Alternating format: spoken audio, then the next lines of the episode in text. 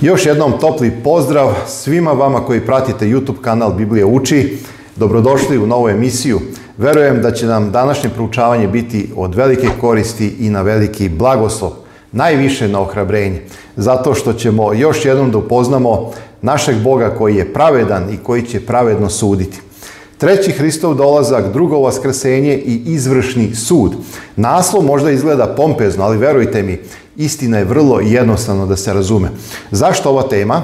Pa upravo zato što sam dobio najviše pitanja zadnjih dana vezano oko toga šta će se tačno dešavati posle 1000 godina, kako ćemo znati da se završio period 1000 godina, svo to veliko mnoštvo koje će vaskrsnuti, zašto im Bog ne da još neku šansu za pokajanje, zar Bogu neće biti žao da uništi toliko veliko mnoštvo za koje Biblija kaže da je kao pesak na obali mora i tako dalje i tako dalje.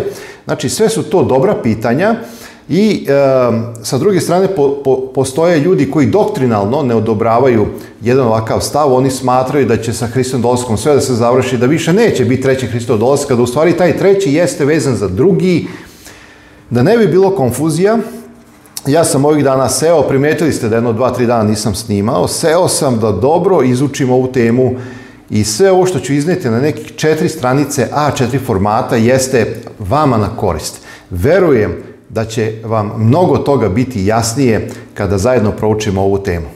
A, pre nego što krenemo, još jednom samo da napomenem, Bog ispunjava svoje obećanje koje mi je dao u, svom, u mom snu. Reči Božje neće nestajati. Novi kontingent Biblija je stigao zahvaljujući vama koji ste pomogli da svetu Božju reč i dalje mogu deliti besplatno preko YouTube kanala Biblija uči. Još jednom podsjećam, u pitanju je srednji format, ćirilično izdanje, prevod Vuk Karadžić Daničić, a, I svako ko želi može iznad moja a, glave je adresa biblijskaetika.gmail.com da poruči. A, jedino što plaćate jeste poštarina ja vas molim, u mailu mora biti potpuna, tačna adresa i broj telefona. Ako nema broj telefona, ne mogu vam slati. Ono što želim da najavim jeste da vi znate da na mom kanalu koji pratite e, uporedo proučavamo i knjigu otkrivenja. Zahvaljujući evo što trpite ove reklame i tako dalje, YouTube kanal donirat će 100, 100 e, knjiga. U pitanju je knjiga Komentar na knjigu Otkrivenje od Ranka Stefanovića, jedan od najjačih teologa po pitanju tumačenja Otkrivenja danas na svetu. On je sa naših prostora, ali trenutno živi radi u Americi. Toplo preporučujem ovu knjigu i kada budete dobro razumeli knjigu Otkrivenja na osnovu ovog komentara i onog što ja sa vama prolazim i sa druge strane kada dobro razumete knjigu Danila, na osnovu i one knjige komentara od Jacques Dukana koju sam delio, vi ćete zaista imati jednu celokupnu sliku koja će vam onako na dlanu dati istinu koja je zdrava, koja je snažna i koja je Bogom dana za naše spasenje. A, tu su mnoga proročanstva koja su vezana za ispunjenje plana spasenja i svakako za sve događaje koji se odvijaju do kraja istorije naše planete do osnivanja Božeg carstva. Evo, to su neka lepa iznenađenja i ja verujem da ću uskoro moći, možda već u sledećoj emisiji, da ponudim komentar na knjigu Otkrivenje. Hajde sada, Biblije u ruke, ako možete pratiti ove tekstove, možda će izgledati zamorno zato što ću često citirati, mislim, navoditi biblijske tekstove odakle sam uzeo misao, ali to moram uraditi da svi vi koji želite da još jednom pročitate, da pratite iz Biblije ove tekstove, da možete to uraditi i da možete proveravati.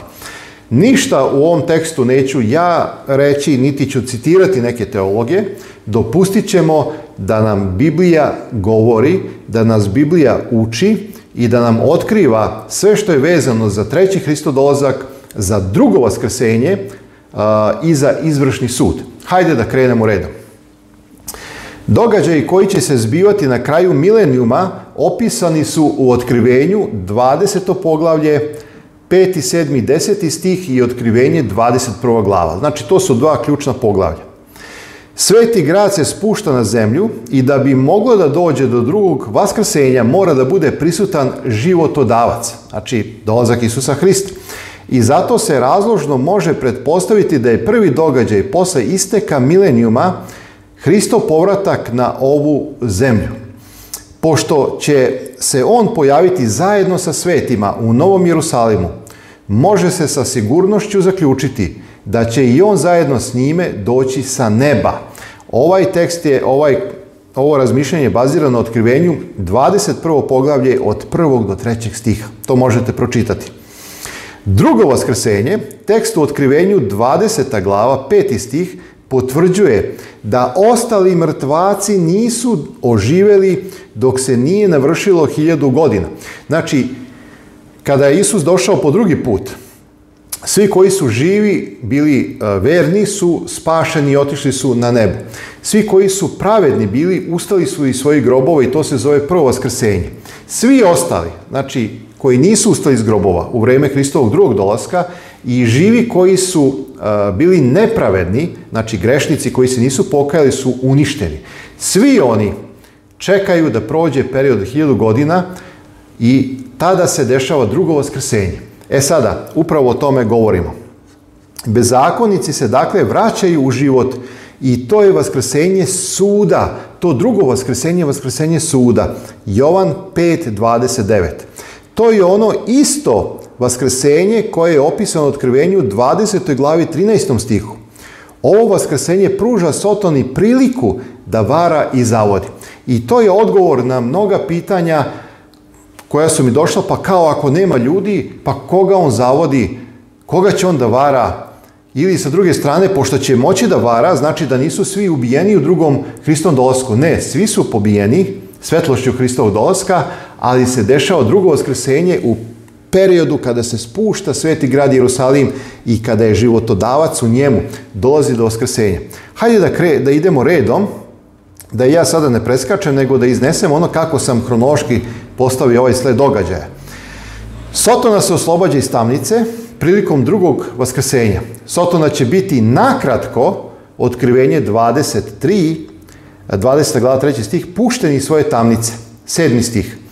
Bog svakako nije skinuo neke stvarne lance, to, su, to je simbolika da je on bio vezan lancima. Drugim rečima, to vezivanje lancima znači da nije imao koga da vara, a ne da je bukvalno bio vezan ili da je izašao iz neke tamnice. Umesto toga, Vaskresenje bez zakonika omogućilo je Sotini da opet stekne podanike sa kojima može da radi. Napad iz bezumljenih, očajnih svih grešnika na Novi Jerusalim. Hajde da gledamo taj događaj.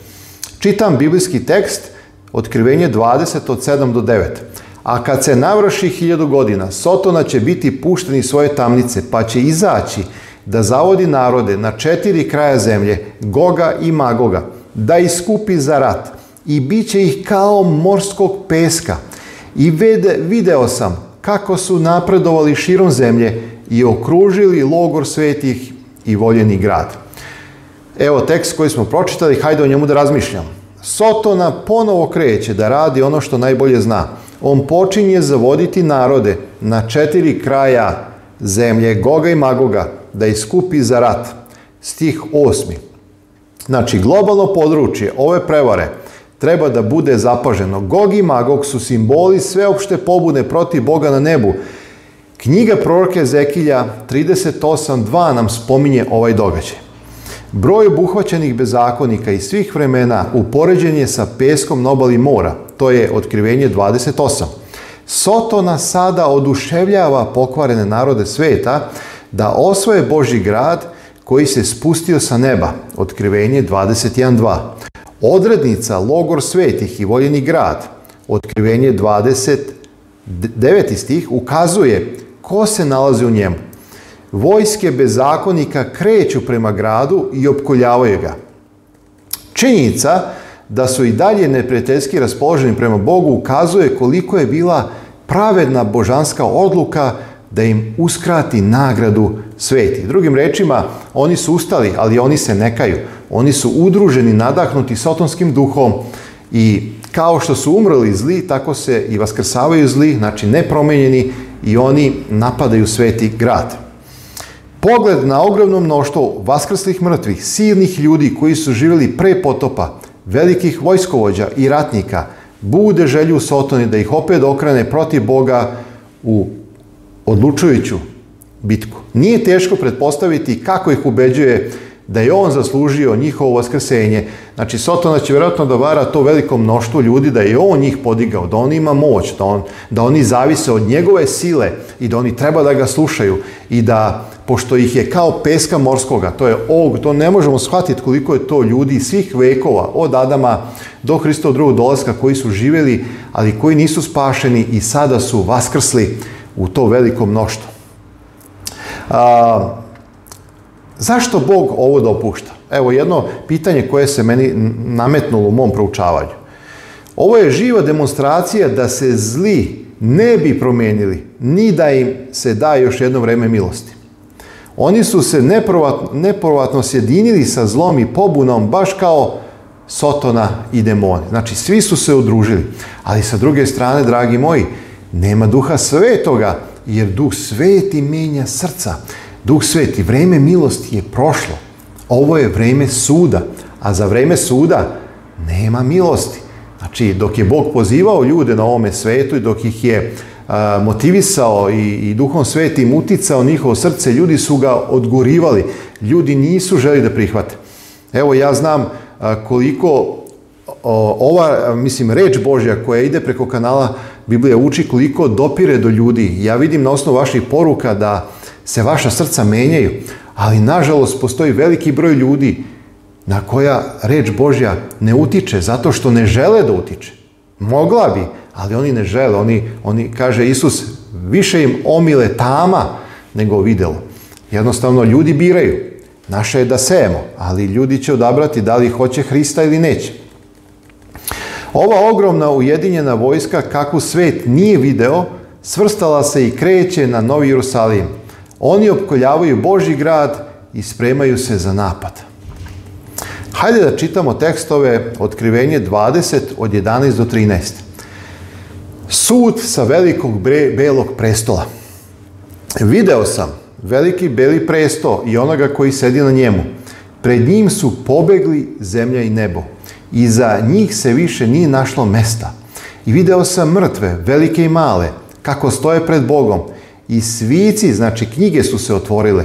I otvorila se druga knjiga, koja je knjiga života i mrtvima je bilo suđeno prema njihovim delima na temelju onoga što je napisano u knjigama.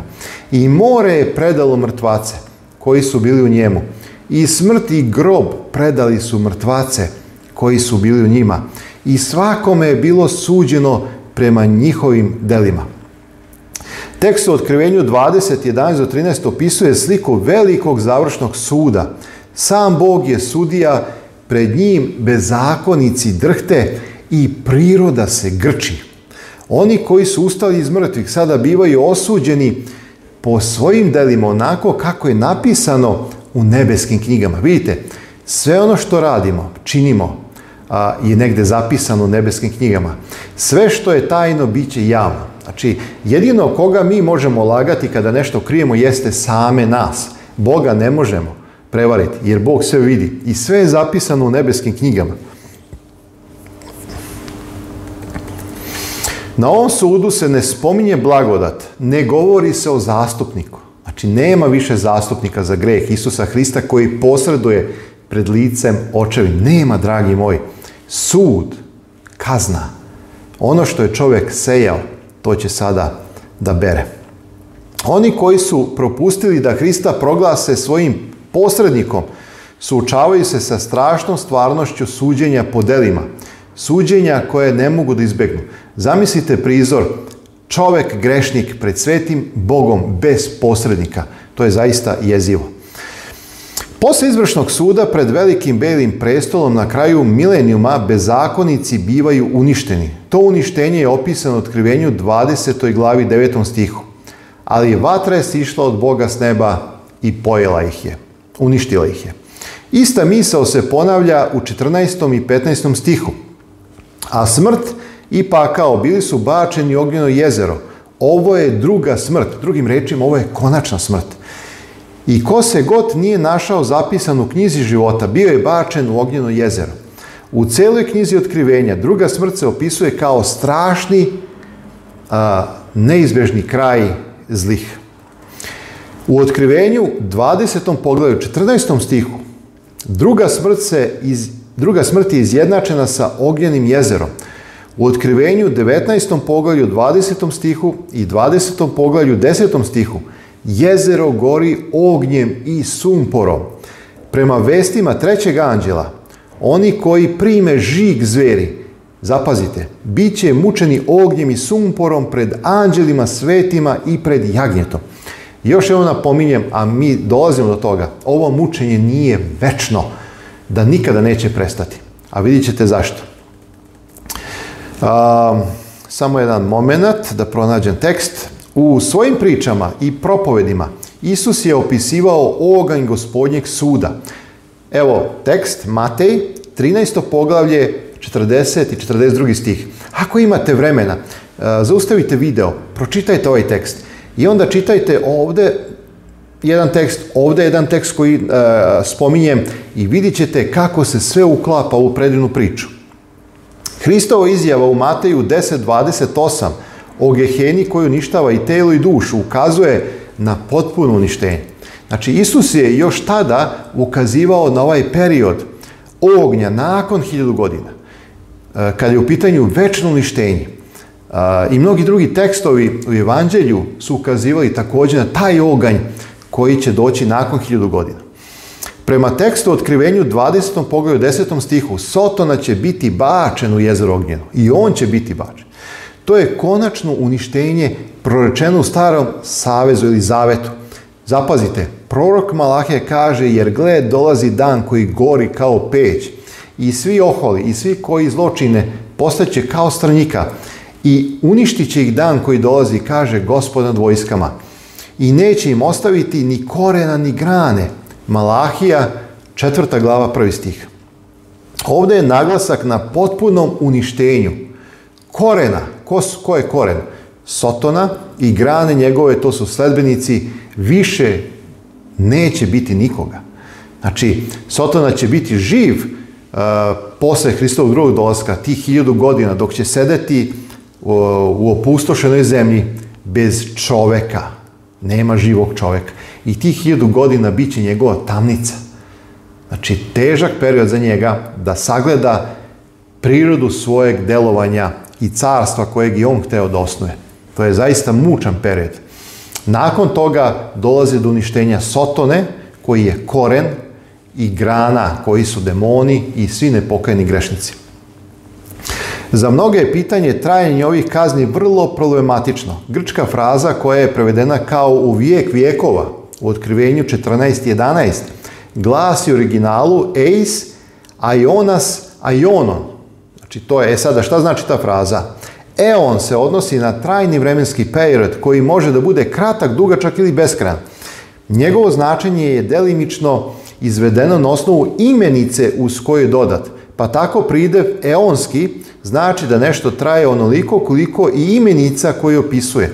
Prema tome, sotnina večna kazna mora da bude ograničena na sotonu i njegovu ograničenost u smislu trajnosti. On je stvoreno biće, dragi moji, sotona nema, da kažem, bezuslovnu večnost. On ima uslovnu večnost. Drugim rečima, sotona ima ograničen rok trajanja i njegovo trajanje će biti završeno u ovom procesu i periodu o kojem sada govorim. On je stvoreno biće, nema urođene prirodne besmrtnosti. Posledica njegovog kažnjavanja biće konačna i večna. Jezero ognjeno u koje će Sotona, zver i lažni prorok zajedno sa smrću i hadom, znači smrt i, i had su sinonimi, biti bačeni na kraju će ispuniti svoj zadatak.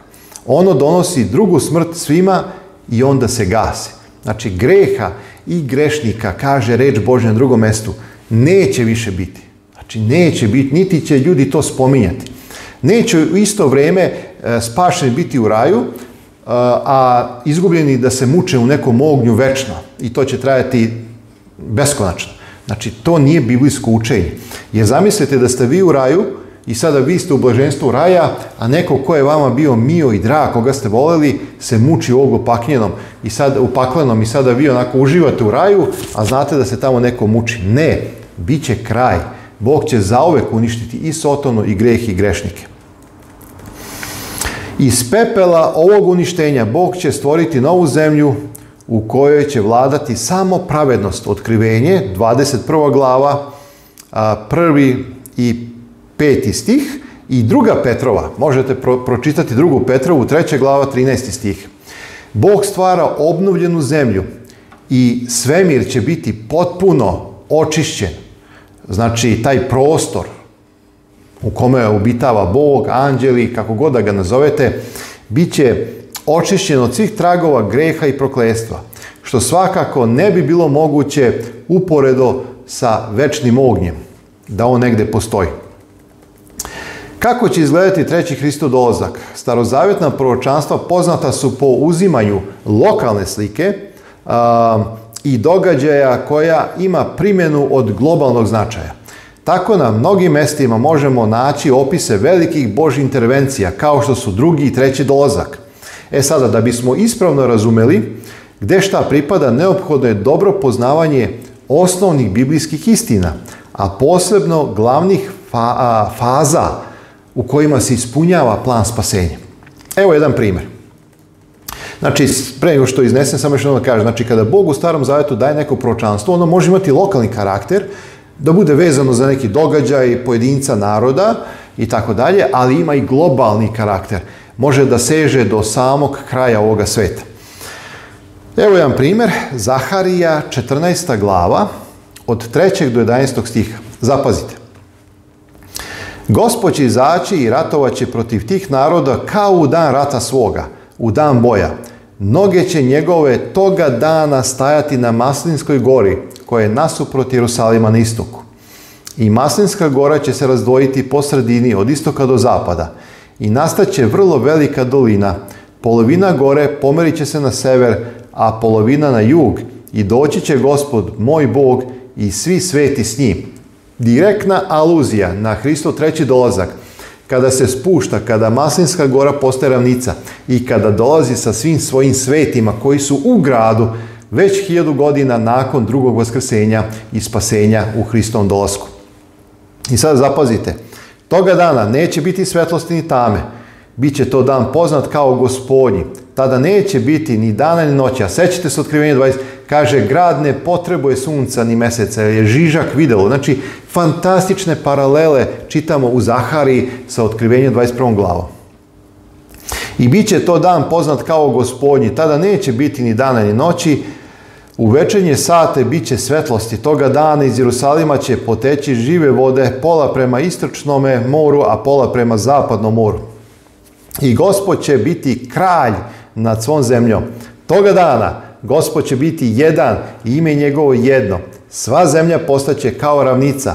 Narod će živjeti u njemu i proklesu uništenja više ga neće snaći. Jerusalim će spokojno živjeti.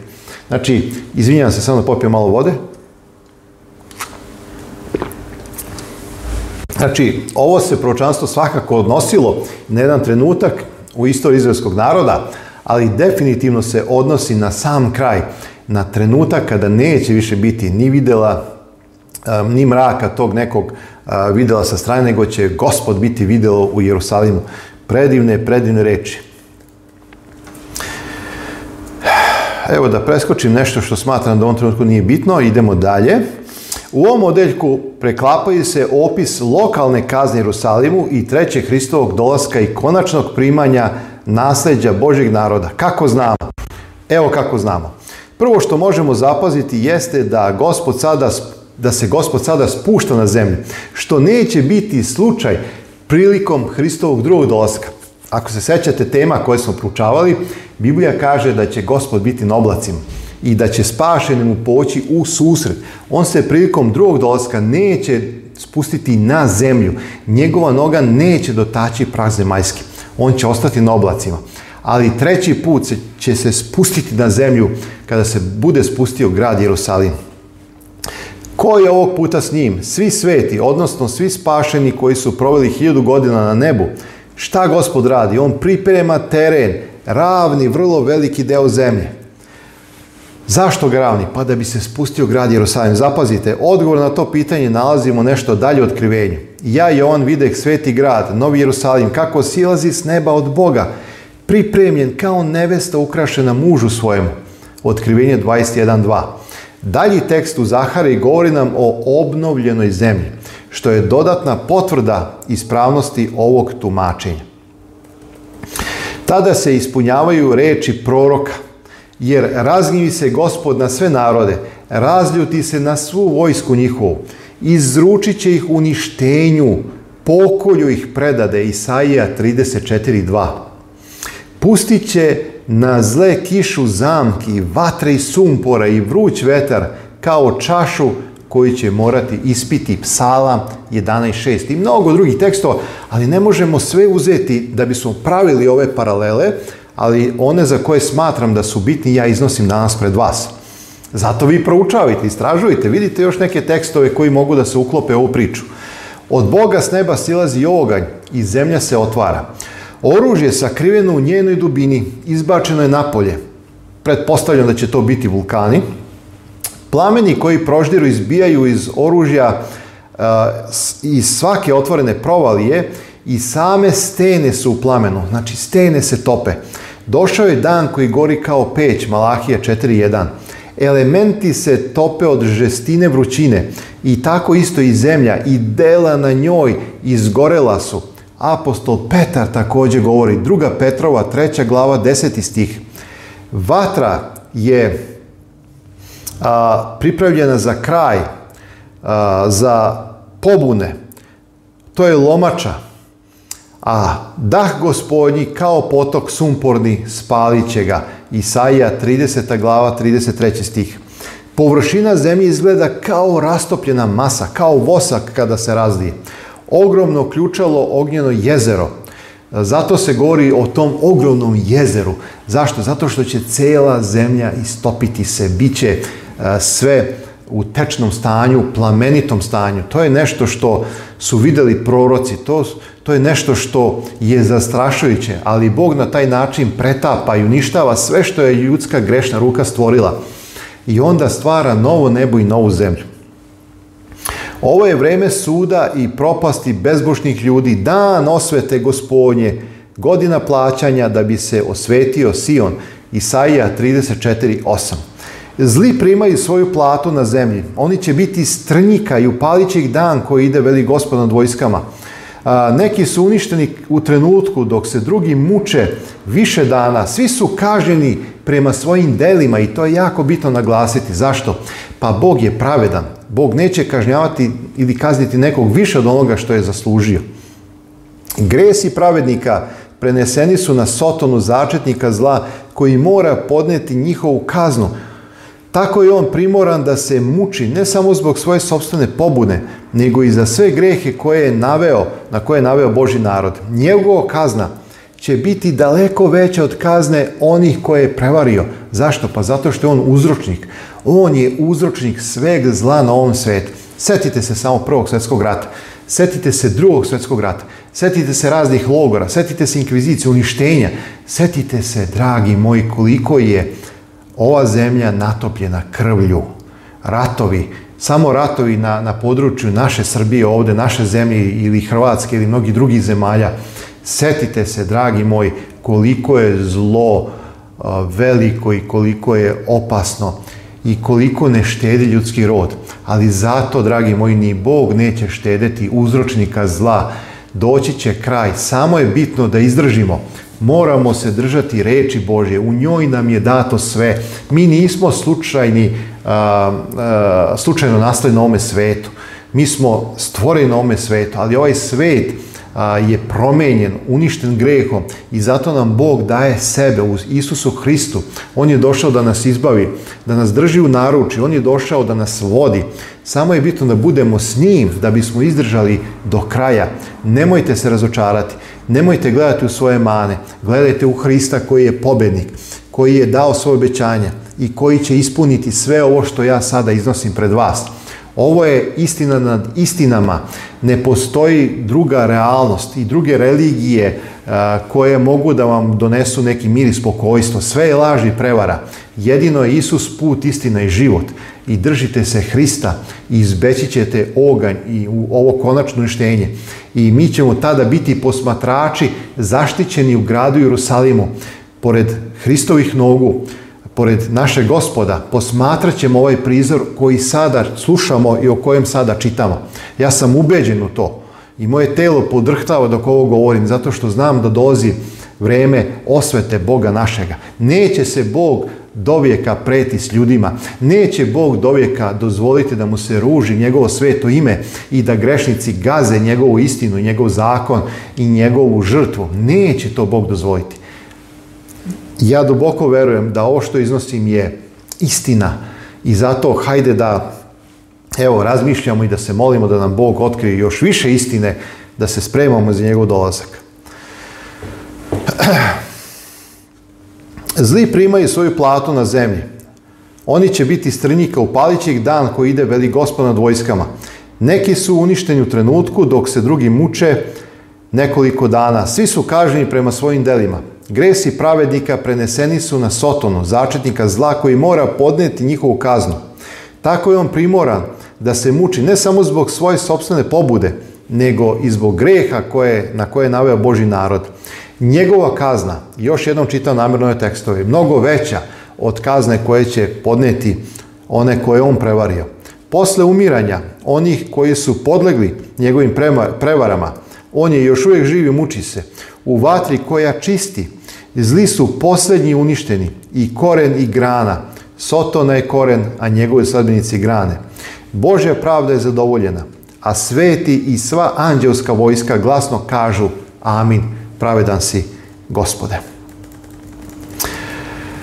Dok je zemlja oba, obavijena vatrom Božje osvete, pravednici borave sigurno u svetom gradu. Nad onima koji su imali udjela u prvom skrsenju, druga smrt nema vlasti. Otkrivenje 26. Pročitajte ovaj tekst pet puta, dragi moji. Pet puta ga pročitajte. Druga smrt nema vlasti za one koji su sada, u ovom trenutku, imali Hrista za svog spasitelja, koji su ga voleli i koji su ga prosljivali. Dok je Bog zlima ogan koji proždire svome narodu, on je sunce i štit. Salam 84.11.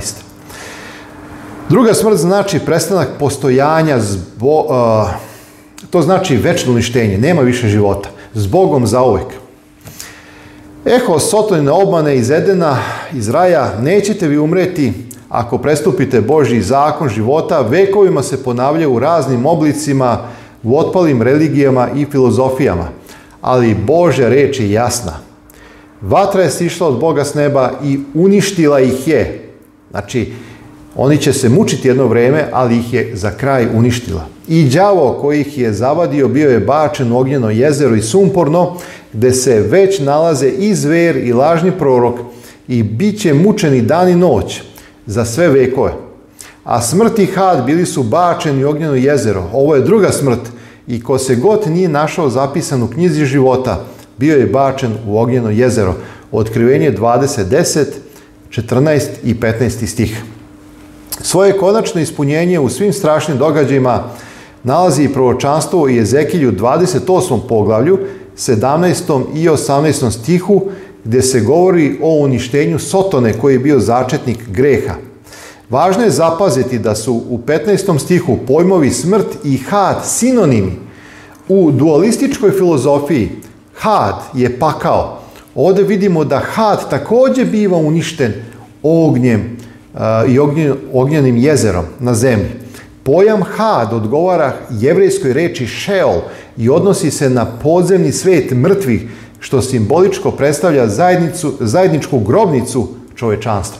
Znači, to nije mesto gde se neko muči duše, nego to je mesto gde mrtvi prebivaju do drugog vaskrsenja. Had je sinonim za smrt i grob, što jasno vidimo iz citiranog teksta. Kao poslednji neprijatelj bit će uništen – Prvo Korinćanima 15.26 imate takođe još jedan tekst. Izraz vekovi vekova, eioni na grčkom, ima večne konotacije po učinku, a ne trajenju. I to sam više puta objasnio nekim mojim pređašnjim emisijama E, i Radmilo Bodiroga takođe u svojim propovedima imate na mom kanalu je objasnio šta znači večni oganj. Znači njegov učinak je za večnost, a ne njegovo trajanje i to se jako lako može razumeti. I evo za kraj, rezime. Da bismo otklonili svaku sumnju, obratite pažnju na kratku rekonstrukciju izvršnog Božjeg suda. Idemo redom. Izvršni sud se događa nakon hiljadugodišnjeg carstva ili milenijuma spaseni se nalaze u Novom Jerusalimu, koji je prethodno spušten na zemlju, na teritoriji koja odgovara lokaciji današnjeg Izraela ili Jerusalima. Bog vaskrsava nepokajanje zle i svih vekova. Sotona ih podstiče na posljednji očajnički pokušaj da zauzmu Boži grad. Bog ih međutim suočava sa sudom. Izvršna presuda uključuje oganj koji silazi s neba. Dakle, sve se to događa na zemlji u neposrednoj blizini Novog Jerusalima. Kada oganj suda obavi svoje delo nad nepokajnim ljudima, palim anđelima i sama zemlja biva očišćena od svih tragova prisustva zla. Nakon toga, Bog vrši obnovu zemlje i univerzuma. Odatle slede jednostavan zaključak. Ako je pakao večan, kako tvrde dualisti, znači oni koji veruju u grčku filozofiju, ne u biblijsku nauku, a, samo da vidim gde sam, gde sam otišao.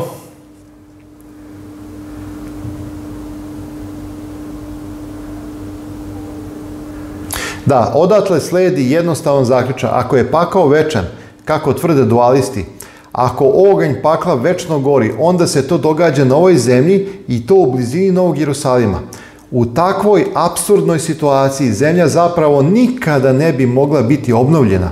Druga smrt ne bi bila kazna za grehe i pali anđeli i zli ljudi ne bi večno a, i zli ljudi bi, znači, večno egzistirali u apsolutno nemogućim uslovima za egzistenciju.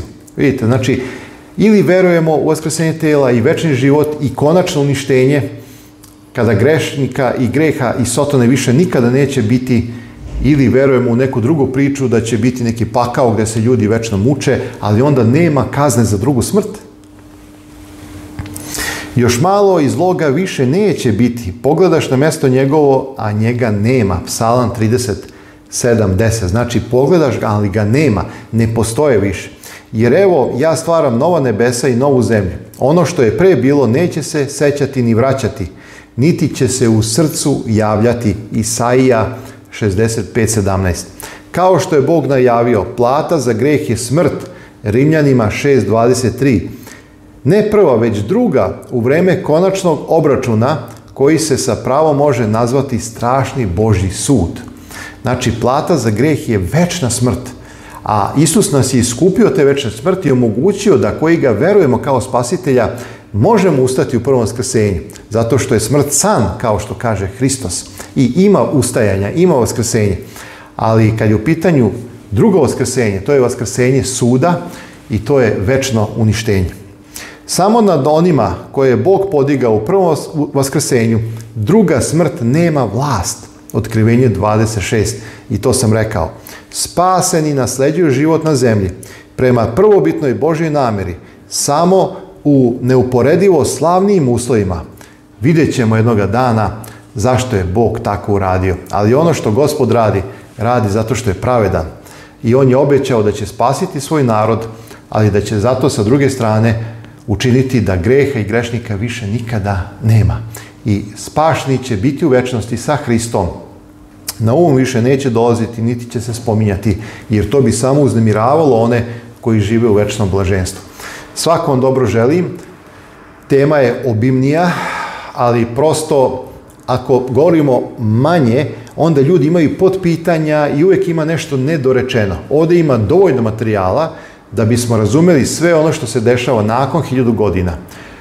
U vrijeme Božjeg suda, kada će biti uništen greh Sotona i grešnici i kada će Bog konačno uspostaviti svoje carstvo. Možete često zaustaviti klip, pročitati, razmisliti, pogledati ovaj video više puta, jer e, potrebno je možda za one koji ne poznaju dovoljno svetu Božju reč, a žele da razumeju ovaj hronološki sled, da tako nešto učine. Svako vam dobro želim, vidimo se uskoro, reč Božja se i dalje deli besplatno, jedino što se plaća jeste poštarina, ko želi može naručiti, a uskoro verujem da ću moći ponuditi i komentar na knjigu Otkrivenja od Ranka Stefanovića. Svakom dobro želim i vidimo se uskoro u novoj emisiji.